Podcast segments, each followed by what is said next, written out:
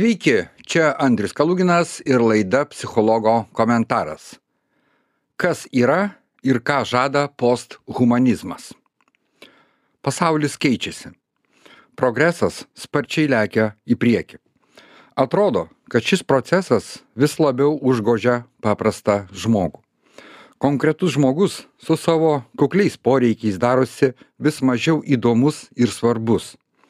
Už jį svarbiau klimato kaita, ekologija, gyvūnų teisės, naujausios technologijos, nacionaliniai interesai, geopolitinės ambicijos, statistika, ekonomikos rodikliai, korporacijų plėtra, globalizacija ir deglobalizacija, susipriešinimo kurstimas ir panašus ambicingi projektai net kova dėl žmogaus laisvių vis labiau panašėja į vienos žmonių grupės laisvių suvaržymą dėl pataikavimo kitai. Kova dėl kovos. Vis tyliau skamba gerumo, atjautos, bendrystės, rūpeščių vieni kitais balsas. Atrodo, 20, 21 amžius atsisveikina su humanizmu, nepalikdamas galimybės juo pasimėgauti žmogus su jo paprastais kasdieniais rūpesčiais jau mažai kam įdomus paliktas pats sau sukis žmogau kaip išmanai žmogus vis labiau tampa nebe tikslas o priemonė kažkieno tikslams siekti ar tenkinti ambicijas. Vis labiau tik dekoracija o ne pagrindinis herojus visuomenės spektaklio scenoje. Vis labiau pasekmė o ne priežastis. Paisant šiuos modernius procesus panašu kad sąvoką žmogus reikia skubiai apibrėžti iš naujo.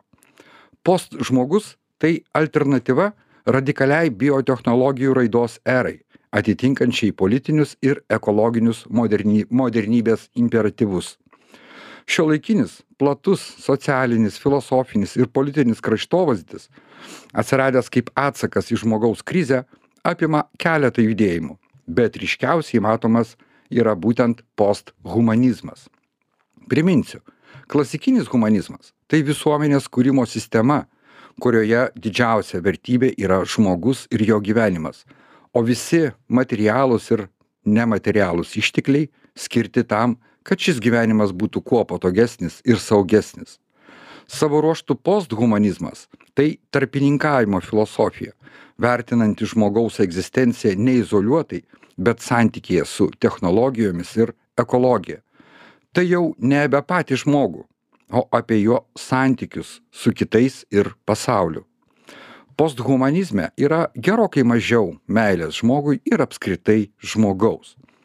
Tačiau būtent posthumanizmo aušra verčia mus vėl ir vėl kelti savo esminį klausimą.